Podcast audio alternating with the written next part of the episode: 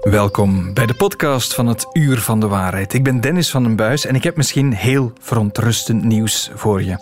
Want in de klas van je zoon of dochter zit er een Big Brother die meekijkt bij alles wat hij of zij op zijn of haar laptop of computer aan het doen is. Die Big Brother, dat is geen Russische spion, dat is geen Chinese drone. Nee, het zou gaan om de leerkrachten zelf. Hoe dat zit, dat ontdek je in deze podcast. Maar eerst, eerst gaan we het over eten hebben. Het uur van de waarheid. Nou, je hoort het. We zitten even op een Alpenweide. Ja, ja, met die typische bruine Zwitserse koeien krijg je al zin in Emmentaal. Of in mm, Zwitserse chocolade. Maar laten we die Alpen even oversteken. La Bella Italia met mozzarella di bufala, parmigiano reggiano, pesto genovese. Maar ja, mag je dat allemaal wel gebruiken? Al die benamingen, die vlaggetjes, die oorsprongstermen. Mag dat zo? Maar klopt dat wel? Wat ze claimen dat er in het pakje zit en wat er echt van dat product vanaan is? Ik ga het vragen aan iemand die er alles over weet.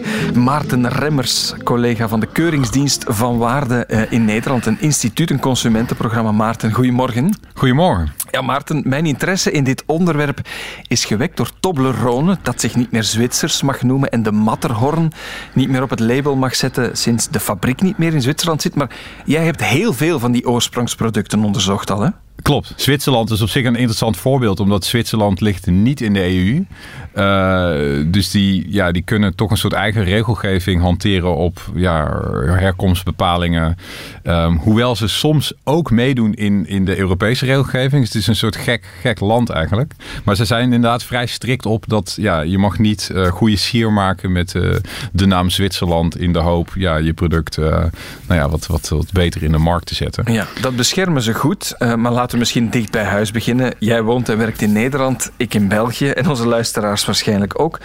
Belgische producten in Nederland, zijn er zo waarvan je denkt, ja, daar wordt het label Belgisch op geplakt en klopt dat wel? Nou ja, sowieso. Uh, in Nederland eten we ook graag frieten. Uh, in de supermarkt liggen heel veel uh, verpakkingen met Vlaamse friet. Nou, daar weet ik wel vrij zeker van dat die niet uit, uh, uit Vlaanderen komen. Maar die komen gewoon uit Nederland. Hmm. Um, maar die zijn dan, ja, zoals men zegt, op de Vlaamse wijze gesneden. Dus wat dikker dan, uh, dan dat men in Frankrijk doet. Uh, er wordt bij ons ook Belgische mayonaise verkocht. Die zeker ook niet Belgisch is. het zou kunnen dat die dat soms wel is, maar dat hoeft niet zo te zijn. Um, en dat is het gekke. Dus er zijn producten uh, die wel een land in de naam hebben. Maar van je eigenlijk, uh, ja, er is geen wet die dat beschermt. Dus je mag daarmee suggereren van ja, dit is zoals men in België friet eet. Of zoals men in België mayonaise eet. En ja, wij doen het op de, op de Belgische methode. Ja, dat is en, niet beschermd eigenlijk. Heb je nog van die voorbeelden? Nee, nou ja, een heel beroemde is natuurlijk Belgische chocolade. Vreemd genoeg is dat ook niet beschermd. Nu is het wel zo dat veel van die chocolade wel uh, in een, nou ja, Vlaanderen heeft, of eh, Barry Callebaut is een van de grootste chocoladeproducenten van de wereld. Uh -huh. uh, dus heel veel chocolade in de Nederlandse supermarkt komt uiteindelijk nou, uit, uit, uit of die fabriek of uit andere Belgische fabrieken. En vervolgens gaan chocolademakers daar bijvoorbeeld in Nederland een product van maken. Maar dan is de, ja, de basis chocola is dan gemaakt in België. Maar uiteindelijk, de cacao komt natuurlijk uit Afrika of uit uh, Zuid-Amerika. Ja, um, maar dat maar, is dan eigenlijk niet beschermd, die claim Belgisch. Ook niet als we daar een Belgisch vlaggetje bij zouden zien. Mag dat? Ja, dat is een beetje een grijs gebied. Kijk, ik denk dat in het geval van Belgische chocolade wel vaak dus er een deel van het proces in België heeft plaatsgevonden. Um, ja, dus mag je daar denk ik wel een, een Belgisch vlaggetje op zetten. Maar ja, in het geval bijvoorbeeld van die Belgische mayonaise die ik in de Albert Heijn zag, daar staat ook een Belgisch vlaggetje op. En ik, ja, ik denk niet dat die echt in België is gemaakt. Ja, dus dat is heel, heel vloe, want ik weet, Italiaanse vlaggetjes, daar is wel heel wat om te doen. Hè. De Italianen proberen hun oorsprongsbenamingen en zeker het gebruik van zo'n vlaggetje wel te beschermen. Ja, ja, en, maar ook daar zie je dat er toch veel, veel gerommeld wordt. Want je kan je product natuurlijk in, een, uh, in, zeg maar in de driekleur van, van Italië vormgeven. En dan is het niet specifiek een vlag, maar het, ja, de hele verpakking schreeuwt Italië. Uh -huh. Maar dan komen, weet ik veel, de zongedroogde tomaten komen dan toch gewoon uit Turkije. De, er is bescherming. Dus er zijn verschillende keurmerken vanuit de Europese Unie die bescherming bieden. En dat zijn de, de beschermde oorsprongsbenaming, ofwel BOB. En de BGA, de beschermde geografische aanduiding. Uh, dus er zijn wel manieren om nou ja, je product te beschermen en ook de herkomst te beschermen. Maar dan moet de streek of het product uh, die erkenning gekregen hebben. Want uh, ja. hoe zit dat bijvoorbeeld? Ik denk als we in Italië blijven, hè, Parmaham. Mag ik alles Parmaham noemen of is dat beschermd? Nee, die is, die zeker beschermd. Uh, Parmezaanse kaas is ook beschermd. Uh, en dan is het zo dat de productie moet dan plaatsvinden in, ja, in een bepaald gebied. En maar ook de grondstoffen moeten uit een... Uh, bepaald gebied komen. Dus mhm. bij die BOB-bescherming is het dat zowel de productie als een deel van de grondstoffen uit een bepaalde regio moeten komen. En, dus, en mozzarella, hoe zit het daarmee? Dat is niet beschermd. dat dan weer niet. Het is toch heel vloe nou, als consument? Nou, kijk, mozzarella is natuurlijk niet een... Uh, dat appelleert niet aan een streek. Dus dat is, een, dat is een bepaald type kaas met een bepaald procedé nu zijn er ook weer, ja, om het nog ingewikkelder te maken, er zijn ook weer keurmerken die dat kunnen beschermen. Dus is het gegarandeerde traditionele specialiteit. Dus dan moet het op een bepaalde methode gemaakt zijn. Maar dan maakt het niet zoveel uit waar dat dan exact is. Maar bijvoorbeeld bij kaas heb je wel heel veel BOB-bescherming. Dus uh, denk, denk aan uh, Hervé-kaas in, uh, in België, die dan ook alleen volgens mij uit Limburg mag komen. Je hebt ja, Roquefort, Bridemo. Uh, maar feta dan ook weer niet, of wel? Want daar was ook wat ja, heisa rond. Dat de Grieken niet wilden dat andere landen ook feta zouden maken. Ja, dus, dus feta is beschermd. Uh, want vroeger werd die ook in Denemarken gemaakt. En de Grieken hebben dat succesvol weten te beschermen naar zich toe te trekken. Dus nu mag feta alleen uit Griekenland komen. En moet, ik meen, hoe hoop ik het niet de fout in ga, van in ieder geval een deel schapenkaas gemaakt zijn. Mm -hmm. En is het dan aan die regio regio's om voor zichzelf en voor hun producten op te komen om te zeggen dit moet stoppen? Om, want bijvoorbeeld je hebt ook Dijon mosterd, dat mag dan blijkbaar ook weer overal gemaakt worden. Sommige dingen zijn wel beschermd, andere niet. Van waar het verschil? Ja, dat is een goede vraag. Um, het is zeg maar of mensen zich daar hard en, en, en hard voor maken of boos om maken. En uiteindelijk, uh, volgens mij zijn het vrij ingewikkelde procedures om zo'n bescherming te krijgen. Die vaak ook lang duurt. Um, ja, in Nederland zijn ook zat voorbeelden. Bijvoorbeeld Gouda kaas. Ja, Gouda is een stad in Nederland. Uh, maar die kaas die wordt eh, over, echt over de hele wereld gemaakt. Is ook niet beschermd. En ja, volgens mij op een gegeven moment is zo'n kaas ja, overal. En is het echt moeilijk om dan nog helemaal terug te keren. Ja, ja. Dus eigenlijk wordt het een soort type naam of, een, of een, een, een, ja, een grotere reeks van producten kunnen zich dan zo noemen. Dat gebeurt en dan is het misschien al te laat. Heb nou je... ja, de, ja, dus wat men dan wel doet, bijvoorbeeld, dus dan kan men wel zeggen, dus er is wel een Gouda die beschermd is. Dus, maar die komt dan uit een bepaalde streek en die heet dan dus niet gewoon Gouda, maar die heet dan uh, een Noord-Hollandse Gouda. Wat ook weer heel grappig is, want Gouda ligt niet in Noord-Holland, maar in Zuid-Holland. dus ja. Oké. Alles wat je vertelt, Maarten, maakt het als consument nog minder transparant eigenlijk. Hè? Waar, waar kan ik nu op letten als ik in de supermarkt sta en ik wil er zeker van zijn dat ik toch echt een product heb uit het land of van de streek wat het etiket claimt over dat product? Nou, op zich, dat, dat Europese keurmerk is wel handig. Als, als, als, het, ja, als het dat keurmerk heeft, staat het erop. Dat is een soort, soort rondje een rood rondje met, met gele letters erin. En dat is dan of in het Nederlands uh, beschermde oorsprongsbenaming staat erop. Of AOP op zijn Frans. Uh, origine, uh, appellation origine protégée. Mm um, dus bij, bij kazen zie je dat veel. Um, en ja, dus als je dat keurmerk ziet, dat is over het algemeen wel, zit dat wel redelijk goed in elkaar. Uh, dus daar kun je op letten. En bij, en bij andere herkomstbenamingen waar dus niet zo'n logo op staat, kun je wel, uh, ja, kun je wel vraagtekens zetten. Ja, moet dat trouwens op het product staan? Je, je vernoemde die zongedroogde tomaten uit Turkije. Moet op een etiket van Europa dan staan land van oorsprong, doelpunt Turkije? Nee, nee dat, dat hoeft niet. Dus uh, nee, dat hoeft niet. Eigenlijk hoeft dat alleen bij vlees, vis en zuivel. Um, dus daar moet uh, wel de herkomst op staan. Dus als je goed oplet, uh, staat op de achterkant staat een EG-code. Dat is een soort ovaaltje. En daar staan de eerste twee letters van het land van herkomst in. Dus NL voor Nederland, BE voor, uh, voor België. Mhm. En dan kan je zien waar het vandaan komt. Maar, er, er is weer een maar. Dat logo komt erop zeg maar, op de plek waar de laatste handeling aan dat product is verricht. Dus stel, ik koop een Gouda kaas gemaakt in Polen. Die, verstu- die, die laat ik naar Nederland komen. Die snij ik hier in acht stukken en doe daar een stuk plastic omheen. Dan kan ik er een eh, Nederlandse EG-code op zetten. Waardoor het lijkt alsof dat toch een Nederlandse Gouda-kaas is. Jongens. Maarten, we hebben het nu vooral over Europese producten al gehad en Europese regelgeving. Ik denk ook aan ja, Zuid-Amerikaanse, Aziatische producten. Zijn die dan nog minder beschermd? Nou ja, de EU-wetgeving is daar natuurlijk niet, niet van toepassing. Ehm, dus ja, er zijn heel veel producten op de markt. Kijk, Ja- Japan is natuurlijk een soort land dat, dat, dat staat voor meer voor kwaliteit dan China eh, bij, bij, de- bij de consument. Dus je ziet dat veel producten, ja, die worden dan eh, Japans gebrand of eh, die hebben een Japans uiterlijk, maar die komen gewoon uit China. Dus hier, in Nederland zijn die Jap- Japanse zoutjes, dus die van die rijstcrackers, die zijn heel populair. Nou, die komen echt vrijwel altijd uit China.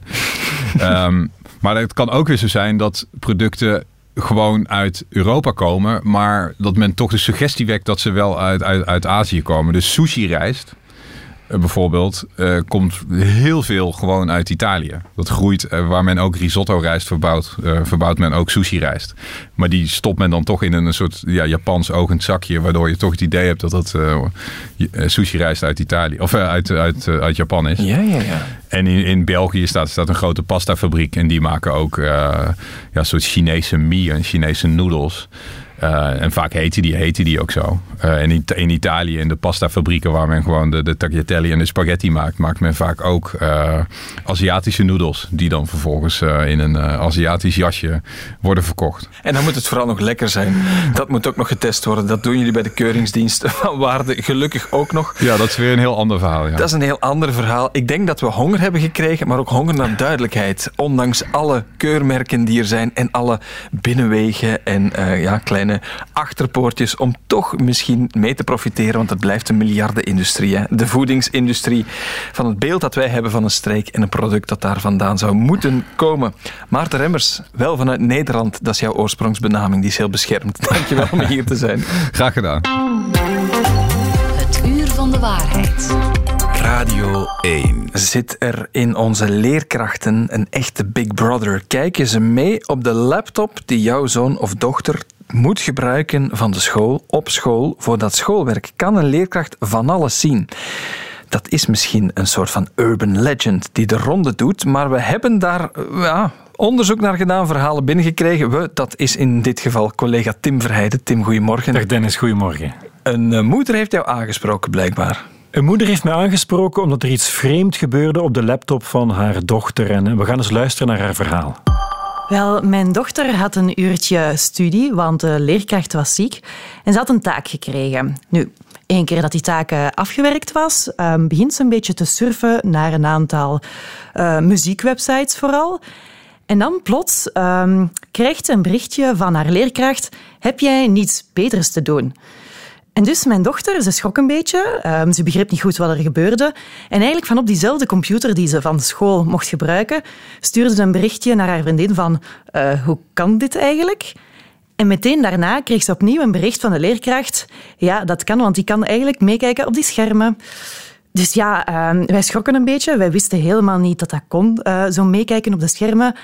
En dus we stellen ons ook de vraag, oké, we begrijpen dat leerkrachten eh, hun leerlingen moeten kunnen monitoren, maar gaat dit niet een beetje ver? Mag dat eigenlijk? Goeie vraag. Vooral duidelijkheid, is niet de echte moeder. We hebben het door een collega laten opnieuw inlezen. Maar Tim, er zitten twee elementen in. Wat gebeurt daar technisch en wat moeten we daarvan vinden? Laten we misschien eerst eh, dat eerste luik eens beschrijven. Hoe kan een leerkracht meekijken op een computer van een leerling in de klas? Ja, heel eenvoudig via de nodige software. De clue van dit verhaal is trouwens dat de leerkracht ziek thuis zat en van thuis uit kon meekijken. Dus dat riep wel wat vragen op, maar je hebt vandaag de dag in een klas heel veel laptops natuurlijk. Maar als leerkracht, je moet je dat inbeelden, plots zitten daar twintig computerschermen voor je die je niet kan zien, leerlingen achter een schermpje. En dan wil je natuurlijk weten wat er op die schermen gebeurt. En er bestaat heel veel software die in de klas wordt gebruikt om, eh, om toetsen op te nemen bijvoorbeeld enzovoort. Maar in die software zit ook een element ingewerkt waardoor je als leerkracht op je eigen scherm vooraan in de klas alle schermpjes van de leerlingen kan kijken om, ja, om te bekijken, om te zien wat erop gebeurt. En natuurlijk. echt visueel zien wat er op die schermen verschijnt? Of zie je de, de webpagina? Je ziet adres? webpagina's die kunnen openstaan. Je kan ook klikken, doorklikken eigenlijk om visueel te zien wat daar allemaal op gebeurt. Heel duidelijk in dit verhaal, die leerlingen wisten dat niet. En dat is inderdaad heel belangrijk in dit verhaal. De leerlingen wisten niet dat dat aan het gebeuren was, omdat de school aan het experimenteren was met een software-toepassing, met ja, een softwareprogramma. En dat is natuurlijk wel bijzonder, want ja, als ouder schrik je dan natuurlijk ook van, zeker als leerlingen, maar ook als ouder, van, van hey, in, in hoeverre worden mijn kinderen hier in de gaten gehouden? Dat werkt blijkbaar ook buiten school en kan dat dan ook s'avonds als mijn zoon of dochter thuis alleen zit, kan een leerkracht dan ingrijpen en vragen, zeg, deel je scherm eens en loert dan daar geen ja, misbruik om door. Want gaat dat over schermen van privé-laptops, die dan via de wifi van de school worden gemonitord? Zijn dat dezelfde tablets of Chromebooks die gebruikt worden? Hoe zit dat? Het zijn de Chromebooks van school, dus als leerling huur je die en daarop kan dan software geïnstalleerd worden waardoor de leerkracht vooraan in de klas kan, eh, kan meekijken. Ja, je kan je daar heel veel vragen eh, bij stellen, niet alleen als ouder. We hebben ons licht ook eens opgestoken bij de Vlaamse scholierenkoepel. Dit is de reactie van hun voorzitter Mauro Michielsen. Dat is echt ongelooflijk hoe niet transparant scholen eigenlijk communiceren over monitoringssoftware. Ehm, op sommige scholen is dat zelfs een soort urban legend, waar dat leerkrachten al lachend zeggen van haha, wij kunnen meekijken op jullie laptop. Maar als leerling moet je wel weten wat waar is en waar dat je aan toe bent. Je hebt daar recht op. Ehm, dus wij vragen in de eerste plaats aan scholen ehm, om, als het gaat over monitoring en meekijken, om daar iets in op te nemen in hun beleid en daar transparant over te communiceren in het eh, schoolreglement. Het is ook een pijnlijke vaststelling dan, Tim, dat dat nu niet gebeurt. Dat dat in de duik eigenlijk allemaal op die computers verschijnt. Wel in sommige scholen toch. Het is zo dat de scholen niet moeten rapporteren, bijvoorbeeld aan de Vlaamse overheid, wie allemaal aan het experimenteren is met die monitoring software. Dus iedere school doet een beetje wat dat die wil natuurlijk. Gelukkig zijn er wel richtlijnen vanuit die gesprongen die mee de digitalisering in het onderwijs mee begeleidt natuurlijk. Geeft heel duidelijke adviezen van kijk, neem het op in het schoolreglement, communiceer heel duidelijk naar de leerlingen toe wanneer het gebeurt. Doe het ook niet altijd, maar alleen enkel wanneer er misbruik om de hoek luurt om de hoek loert natuurlijk. Maar het is inderdaad zo dat scholen eigenlijk een beetje ja, hun eigen kader daar rond moeten gaan scheppen. En daar vraagt natuurlijk de Vlaamse scholierenkoepel van kijk, maak daar eens een helder beleid rond natuurlijk. Anderzijds moet je het ook durven bekijken vanuit het standpunt van de leerkracht natuurlijk. En is het ook gewoon zo dat als je daar plots twintig computers in een klas hebt, de verleiding is er natuurlijk om een beetje te beginnen surfen, je begint te chatten met elkaar, je bent afgeleid. Ja, we, je we bent bij begrijpen misschien alle partijen, maar hoe reageren de scholen of de, scho- de koepels op dit verhaal? Hebben zij een standpunt? Ze hebben geen standpunt. Zij adviseren de, de, de scholen gewoon van kijk, ga daar heel gezond mee om. Doe het inderdaad niet altijd. Niet tijdens elke les, maar wanneer het bijvoorbeeld nodig is. Tijdens toetsen bijvoorbeeld kan je heel eenvoudig, dankzij die software toepassingen, ook als leerkracht bijvoorbeeld zeggen van kijk, nu mag er gesurfd worden naar deze websites waar je informatie kan opvragen die je kan gebruiken om je toets in te vullen. Dus als je daar heel goed en grondig mee omgaat, kan dat inderdaad misschien wel de kwaliteit van het onderwijs gaan verbeteren.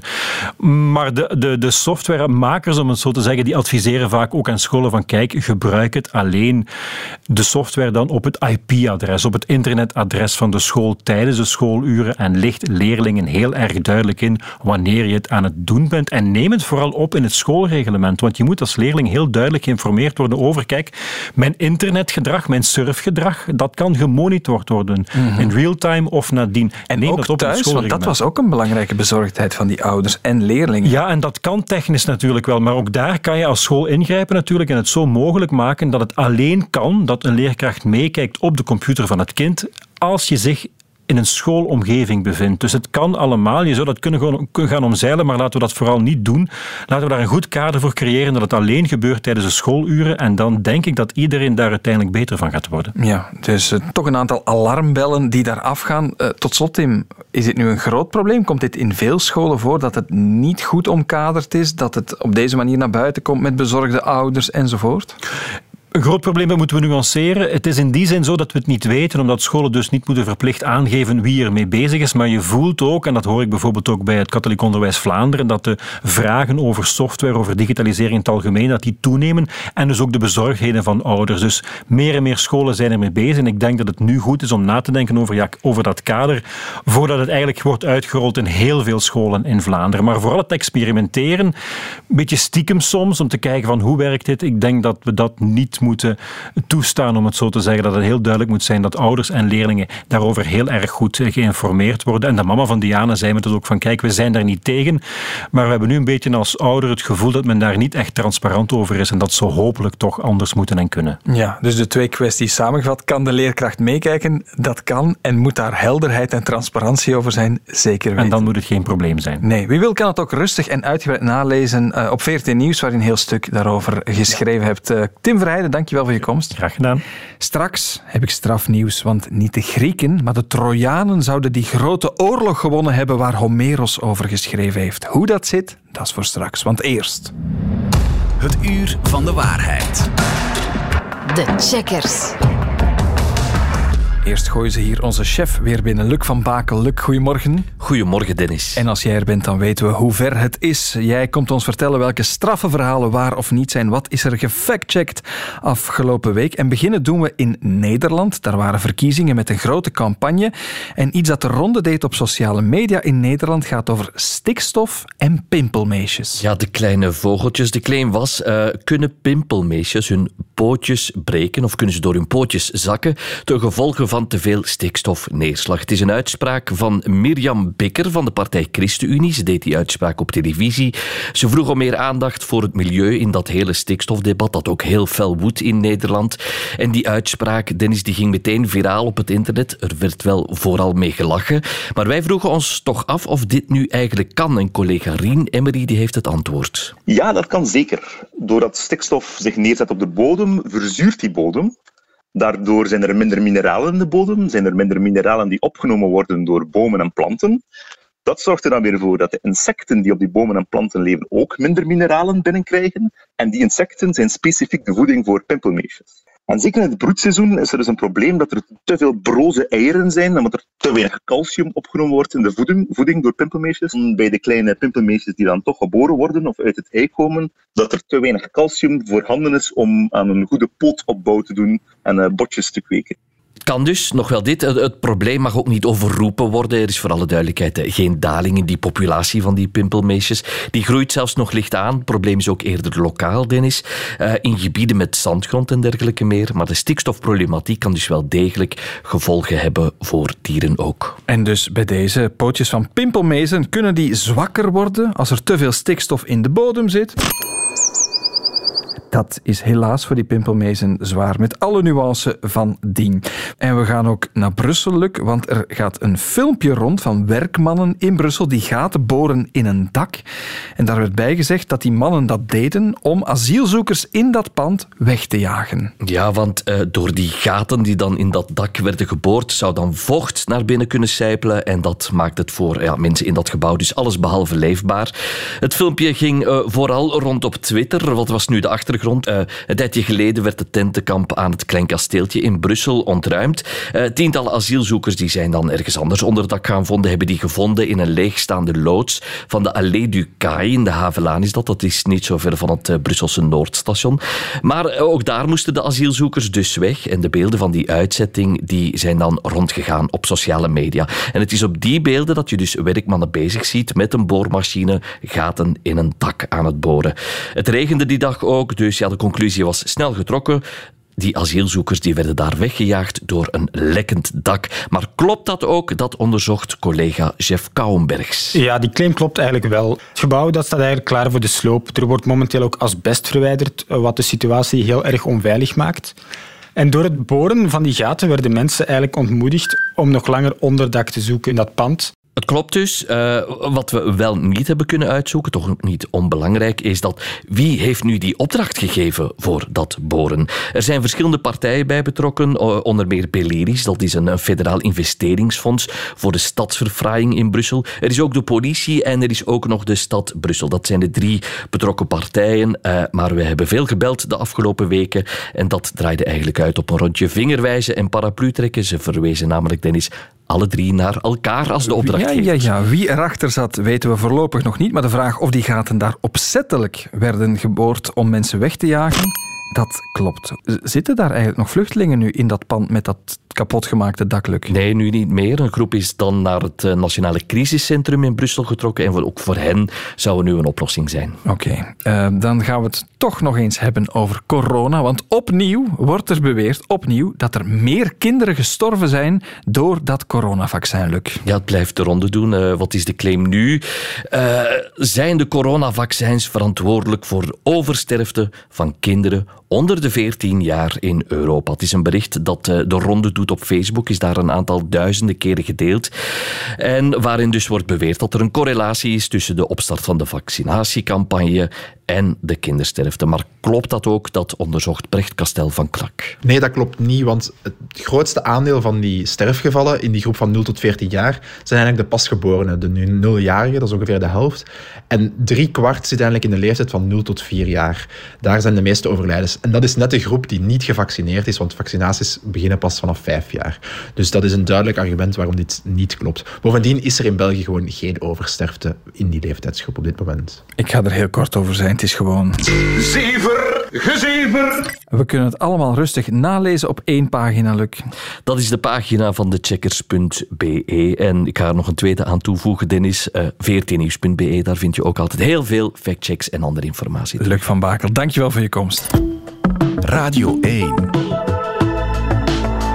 Vergeet alles wat je denkt te weten over de Trojaanse oorlog. Homeros had het bij het foute einde. Niet Odysseus en de zijnen hadden gewonnen van Agamemnon. Nee, de Trojanen hebben gewonnen van de Grieken. Ik zeg dat niet. Floris Overduin, een hele goede morgen. Goedemorgen, Dennis. Jij bent klassicus. Jij weet alles over de Grieken en de Romeinen. Ook jij beweert dat niet. Maar wie beweert er dat Homeros het bij het foute eind had? Ja, degene die dat beweert is uh, ene Dio, Dio Chrysostomus. Dat is een eh, Griekse redenaar uit de eerste eeuw na Christus. En die redenaars die trokken rond om, om redenvoeringen te geven. En hij is dus een, de, degene die een redenvoering gehouden heeft waarin hij dus beweert dat Troje helemaal niet veroverd is. Ja, en waarom beweerde hij dat? Want Homeros was ook in de oudheid al een instituut, denk ik.